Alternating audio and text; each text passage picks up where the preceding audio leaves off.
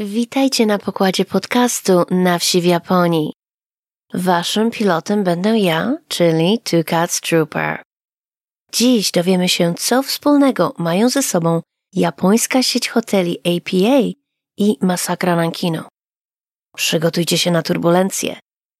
No to lecimy.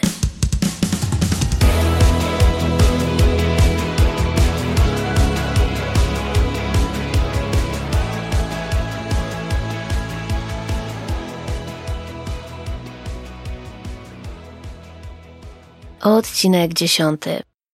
Dziś będzie o tym, dlaczego nie kuszą mnie niskie ceny hotelów sieci APA i dlaczego wolę dopłacić i spać gdzieś indziej, niż spędzić noc pod szyldem APA.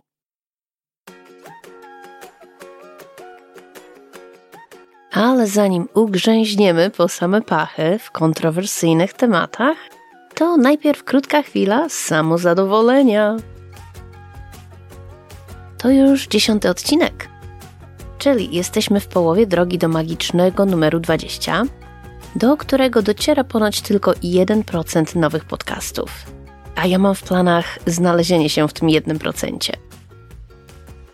Ale odcinek dziesiąty to również dobra wymówka na spróbowanie czegoś nowego. Bo jedna ze słuchaczek na YouTubie zarzuciła mi, że wpatrywanie się w sam kwadrat tylko z tytułem podcastu przez 30 minut z hakiem jest nudne. No cóż, niestety, taki jest urok YouTube. Ale nie jestem bez serca i w związku z tym od dziś wersja na wsi w Japonii na YouTube będzie miała podkład wizualny. Totalnie randomowy i zazwyczaj zupełnie niezwiązany z treścią danego odcinka – ale przynajmniej da Wam to coś do pooglądania. Bo choć ja lubię tylko słuchać i brak treści wizualnych mi nie przeszkadza, to okazuje się, że niestety jestem w mniejszości. No a skoro lubicie oglądać różne rzeczy, więc od dziś będą na YouTubie również rzeczy do oglądania. Nie będzie mojej gadającej głowy, ale zwykłe migawki z codziennego życia. I powtarzam raz jeszcze, żeby nie było nieporozumień, że nie będą związane z treścią danego odcinka, bo w założeniu to miał być podcast, a nie typowy kanał na YouTubie. No ale skoro jestem na YouTubie i skoro były głosy, które prosiły, żeby było na co popatrzeć, to teraz będzie. I dla dzisiejszego odcinka wybrałam się nawet do miasta specjalnie pod sam hotel APA. I sfilmowałam cały spacer, począwszy od wyjścia z parkingu. Tak, tak, z parkingu, bo my tutaj autami śmigamy. Bo nikt nie ma czasu, żeby się bawić w transport publiczny. I na dowód tego jest też krótka migawka jazdy po przedmieściach.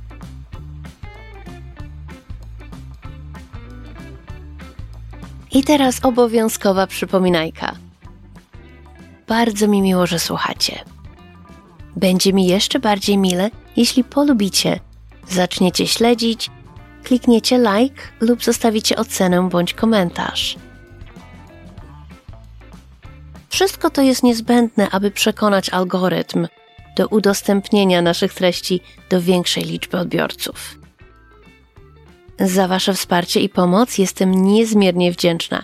I jak dobijemy do odcinka numer 20, to będziemy mieć małą imprezę. Już teraz mogę Wam powiedzieć, że będzie warto czekać. Sami zobaczycie za kilka tygodni.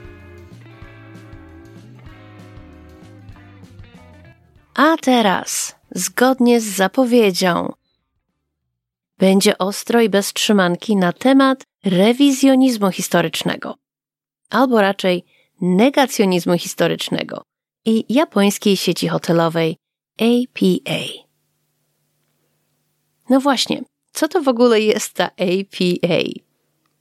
APA to skrót od dłuższej nazwy, czyli Always Pleasant Amenities. Tak, po angielsku, nie wiem dlaczego. Ale jak zaraz sami zobaczycie, nie zawsze jest to always i niekoniecznie pleasant. No ale zacznijmy od początku. Jestem członkiem społeczności podróżniczej Fly for Free. Do for free to im daleko, ale nazwa jest bardzo chwytliwa. Na ich portalu internetowym między innymi wstawiają okazyjne, niskie i promocyjne ceny najróżniejszych linii lotniczych w najróżniejsze strony świata. W tym również z Europy do Japonii. A że lansują się na pełnoprawny poradnik turystyczny, to wraz z przelotami podają też propozycje hotelowe w miejscu docelowym. I przez lata całe, jeśli chodziło o Japonię, to proponowali głównie hotele, sieciówki APA. Dlaczego? Bo są tanie. I w dobrych lokalizacjach. Zawsze blisko głównych dworców. I czy wspominałam już, że są tanie? Mhm, są tanie. Fly for Free to z założenia podróże budżetowe, więc sugerowanie hoteli sieci APA jako miejsca do spania to było dla nich oczywistym krokiem. Niczego o Japonii nie wstawiali przez kilka lat, bo Japonia była zamknięta podczas pandemii. Ale jak tylko się otworzyła, to wróciły polecajki hoteli APA. Wyjaśniłam im na forum, dlaczego to dosyć problematyczny hotel do polecania i już tego nie robią. I ten odcinek nigdy by nie powstał, gdyby nie podróżnicze konta na mediach społecznościowych, które zachęcają do bojkotu zagranicznych firm z przedstawicielstwami w pewnym kraju na Bliskim Wschodzie. Jednak ci sami influencerzy zupełnie nieironicznie polecają hotele sieci APA jako tanie i wygodne miejsce noclegowe w Japonii. Więc ja Wam opowiem co nieco o tym, dlaczego ja wolę spać gdzie indziej, a potem sami możecie zdecydować, czy Wam też to przeszkadza, czy nie. No to w drogę.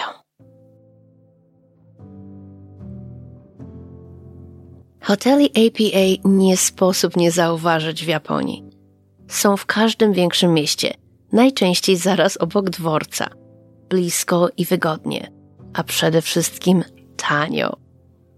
Pokoje w tych hotelach są małe albo malutkie. 11 lub mniej metrów kwadratowych, zazwyczaj. Ale zdarzają się też i takie po 9 metrów kwadratowych. Każdy pokój ma normalną hotelową łazienkę w japońskim stylu, czyli tak zwany unit bath. Jest prosto, skromnie, ale w super lokalizacji i jest przede wszystkim tanio. I tutaj chwila szczerości. Był to chyba rok 2018, kiedy mój lot z Narity został w ostatniej chwili odwołany z przyczyn technicznych i został przesunięty na następny dzień. No to linia lotnicza, którą miałam lecieć, wysłała mnie na noc do hotelu APA w centrum miasta Narita, zaraz obok dworca. No hotel jak hotel. W lobby był ogromny tłok, bo chyba wszyscy pasażerowie z mojego lotu zostali właśnie wysłani tam. I to był mój pierwszy raz w sieci APA. Byłam przyjemnie zaskoczona podczas zameldowania, kiedy pani w recepcji zapytała się mnie tylko i wyłącznie o pokazanie karty rezydenta. Nie prosiła o paszport. Bo kiedy wpisałam japoński adres do formularza, to według przepisów wiedziała, że mieszkańcy Japonii, czyli i Japończycy, i cudzoziemcy z adresem japońskim nie muszą pokazywać dokumentów tożsamości przy meldunku w hotelu. Ona tylko po prostu chciała sprawdzić, czy naprawdę mam japoński adres. No niestety, bardzo często pracownicy hotelowi nie zdają sobie sprawy z tego przepisu i domagają się paszportów, jak tylko widzą cudzoziemca. A pani w APA przepisy znała. Pokój był mały. Och, to był ten jeden z tych bardzo, bardzo malutkich ale był czysty. I choć niestety prosiłam o niepalący, to śmierdziało papierosami, ale jednak według znaczka na drzwiach miał to być niepalący. No cóż, pomyślałam jedną noc jakoś wytrzymam.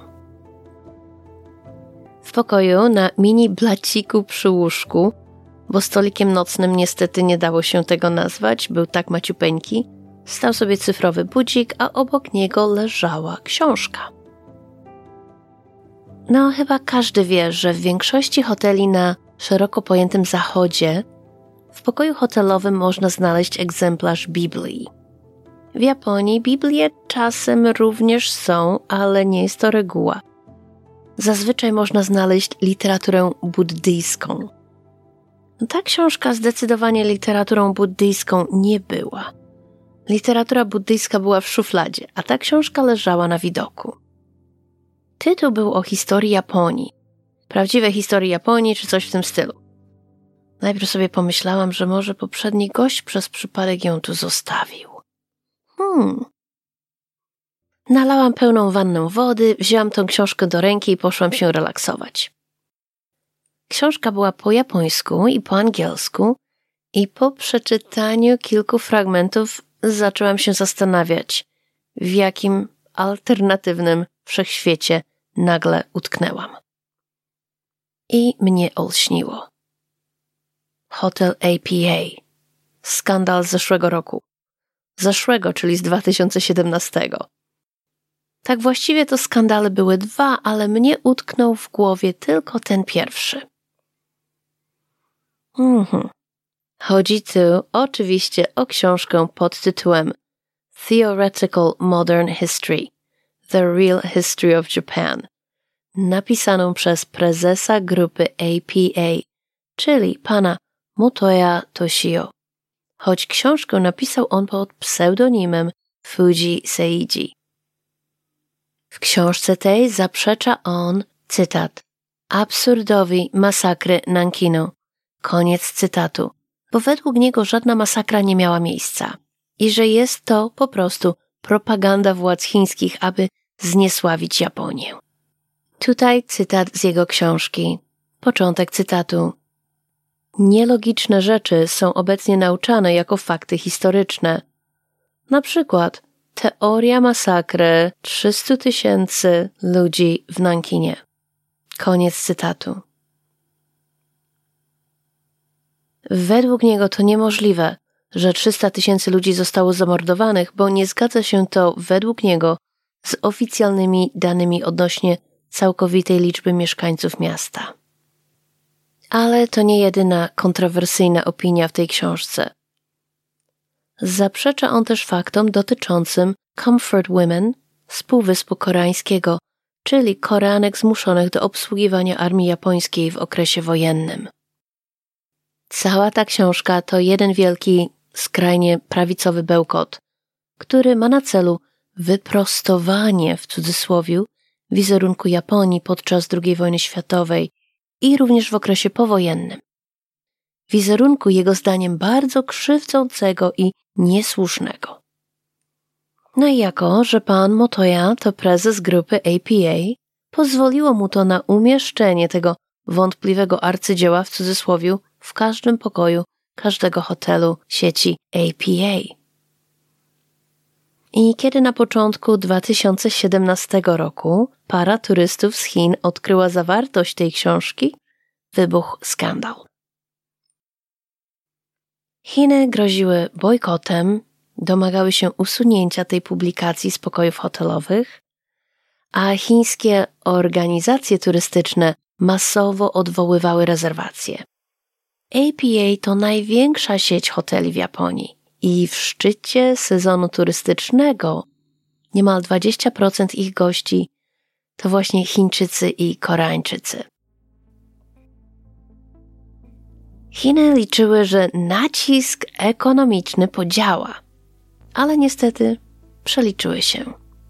Nie wzięły pod uwagę, jak zatwardziała jest japońska skrajna prawica. Pan Motoya odmówił wycofania książki, robiąc przy tym przytyk Chinom, twierdząc, że w Japonii panuje wolność słowa i że ma on prawo publikować takie treści, jakie mu się podobają. Suga Yoshihide, który wtedy nie był jeszcze premierem, a tylko głównym sekretarzem gabinetu w japońskim parlamencie, również zabrał głos w tej kontrowersji. I z jego ust nie padło ani jedno słowo potępienia, a jedynie frazes, że zamiast skupiać się na niefortunnym okresie historycznym, oba państwa, czyli Chiny i Japonia, powinny patrzeć w przyszłość i skupić się na tym, co wspólnie mogą zdziałać na globalnej arenie. Chiny również nie wzięły pod uwagę, że rodzina Motoya byli dobrymi znajomymi ówczesnego premiera, pana Abe Shinzo, którego prawicowe poglądy cieszyły się wśród przeciętnych Japończyków dużą popularnością. No i w zasadzie to można byłoby powiedzieć, że tak ten skandal to w ogóle nie zarejestrował się w świadomości zwykłego mieszkańca Wysp Japońskich. Po kilku tygodniach media i dziennikarze znaleźli sobie inne tematy i kontrowersja umarła śmiercią naturalną. I na początku 2018 roku książka ta jak najbardziej była prominentnie eksponowana w pokojach hotelowych sieci APA. Byłam tamtego wieczora tak wykończona, że niemal usnęłam w tej wannie. I książka wpadła do wody, i kiedy już ją wyłowiłam i powiesiłam do wyschnięcia, to miałam taką cichą nadzieję, że może kolejnego gościa ominie jej lektura. Ale pewnie pokojówka zaraz wymieni na nowy egzemplarz. Prezes Motoya uważał ten cały skandal jako świetny PR dla grupy APA, bo według niego w epoce wiralnego internetu za kilka lat ludzie zapomną o co w ogóle w tym skandalu chodziło, ale będą pamiętać nazwę APA.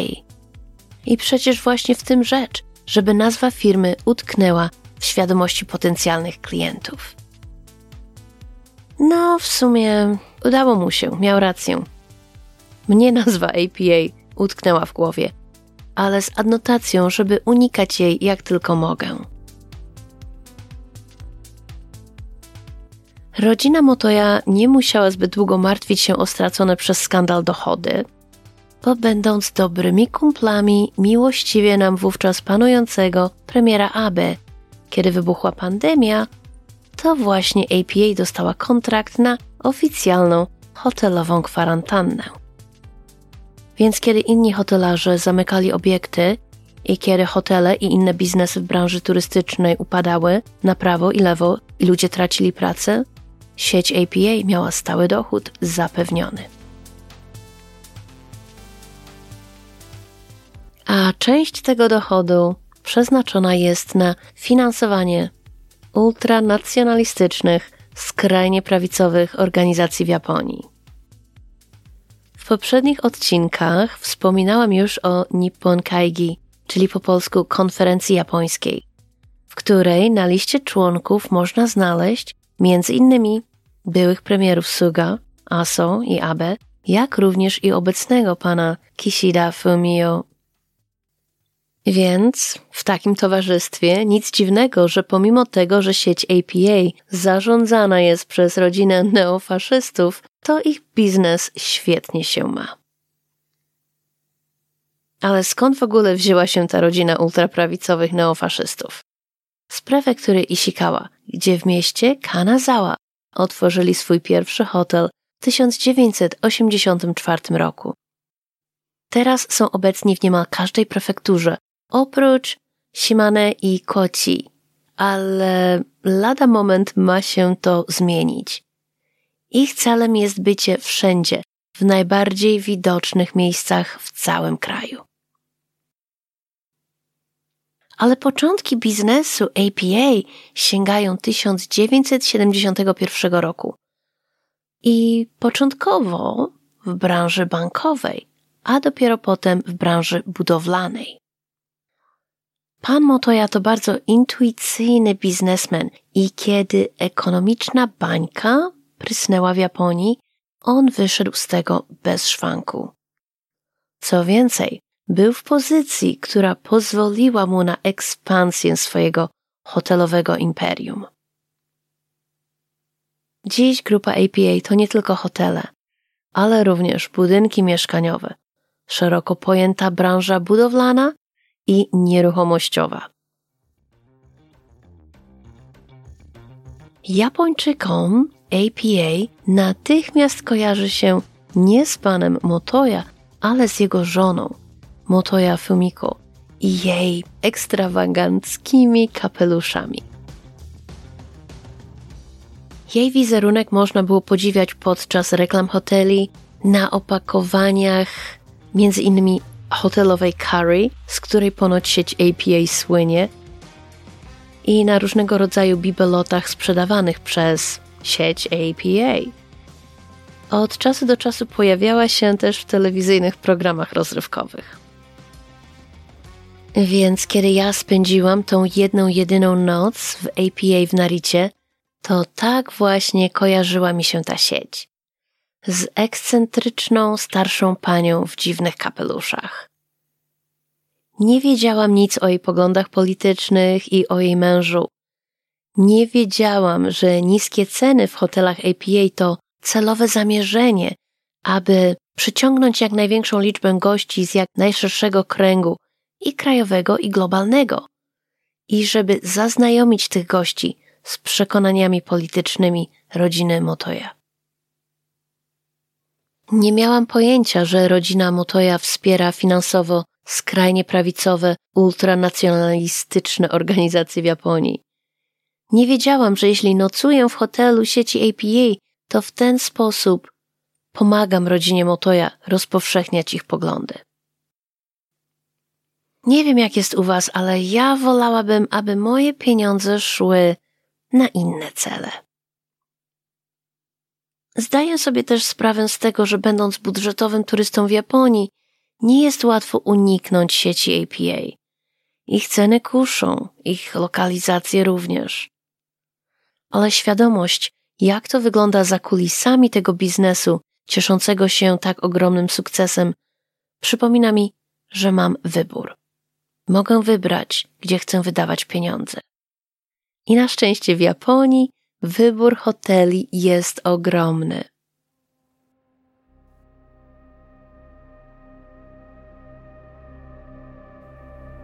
No to teraz już i wy wiecie, co ma wspólnego największa sieć hotelowa w Japonii z najgorszą zbrodnią ludobójstwa popełnioną przez cesarską armię japońską w XX wieku. Czy nadal będziecie brać pod uwagę APA jako miejsce noclegowe w Japonii, to wasz wybór, mnie nic do tego. Ale jeśli tak, to bardzo proszę o ciut mniej hipokryzji, jeśli jednocześnie popieracie nawoływania do bojkotów międzynarodowych firm operujących w zapalnych rejonach świata.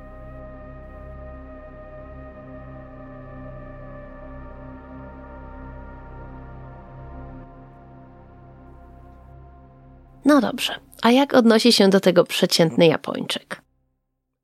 Zazwyczaj ze wzruszeniem ramion.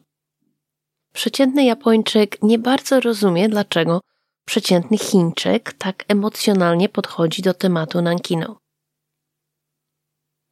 Jeśli Japończyk pamięta jakieś fakty ze szkoły, to chyba jedynie takie, że coś tam miało miejsce na terenie Chin i że ludzie stracili życie. Bo niestety, w podręcznikach do historii w Japonii tak właśnie masakra Nankinu jest opisana. Ogólnikowo i bez wdawania się w szczegóły. Więc reakcje chińskie po skandalu z APA były dla bardzo wielu Japończyków przesadzone, żeby nie powiedzieć nawet w ich oczach bezpodstawne. Może dlatego tak bardzo wiele japońskich głosów wsparło rodzinę Motoya. No bo skoro cieszyli się oni przyjacielskimi relacjami z wieloma figurami ze świata politycznego, to gdyby naprawdę zrobili coś nieodpowiedniego, to by ich za to ukarano, no nie? Wersję takiej logiki słyszałam parę razy w różnych odmianach, kiedy wyszłam z tym pytaniem do moich japońskich znajomych. A o dużo bardziej niepokojącej kwestii japońskiego historycznego rewizjonizmu lub wręcz negacjonizmu wspominałam już przy okazji odcinka o Okinawie tak ogólnie. Żeby było łatwiej go znaleźć, to podam link w opisie. A skoro już o linkach mowa, to jeśli interesuje Was temat wojennych pocieszycielek, czyli Comfort Women, i chcielibyście dowiedzieć się więcej, to polecam podcast Rudej w Japonii właśnie na ten temat. Oczywiście podlinkuję odpowiedni odcinek w opisie.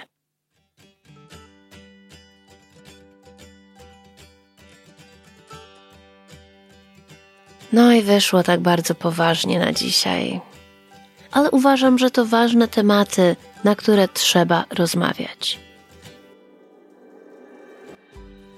Bo Japonia to nie animowana utopia widziana przez różowe okulary, jak to mm, bardzo często się zdarza w przypadku bezkrytycznego uwielbienia przez fanów. I żeby nie było nieporozumień, ja Japonię bardzo lubię. To mój dom. Nie wyobrażam sobie życia gdzie indziej. Ale nie znaczy to, że będę wybiórczo ignorować te kwestie, które mi się w Japonii nie podobają. A historia Japonii i to, jak Japończycy podchodzą do historii ich własnego kraju, jest właśnie jedną z takich kwestii. Więc podsumowując, kocham Japonię, ale nie będę udawać, że kocham bezkrytycznie wszystko, co japońskie. Tak samo jak kocham Polskę, ale nie wszystko to, co polskie. A skoro już o Polsce mowa, to 25 grudnia lecę właśnie do Polski. Odcinek 11 pojawi się zaraz przed moim wylotem, a potem będziemy mieć przerwę aż do pierwszego tygodnia stycznia. W międzyczasie postaram się ogarnąć stroną podcastu na Facebooku, bo myślę, że i tam, i na Instagramie będzie nam się dużo łatwiej dyskutować. Jak zawsze, na Instagramie, TikToku i YouTube jestem jako Two Cats Trooper. Cyfra 2 Cats Trooper, wszystko jako jedno słowo w pisowni angielskiej. I oczywiście, jeśli słuchacie i teraz również oglądacie na YouTube, to koniecznie dajcie znać, czy taki format Wam odpowiada. Jak zawsze, wszystkie linki do kontaktu będą podane w opisie do odcinka. No i to już wszystko na dziś. Dziękuję Wam za wspólnie spędzony czas. A teraz lądujemy i wracamy do rzeczywistości. A ja wracam do pakowania na podróż do Polski. Kolejny lot już za tydzień. Do usłyszenia.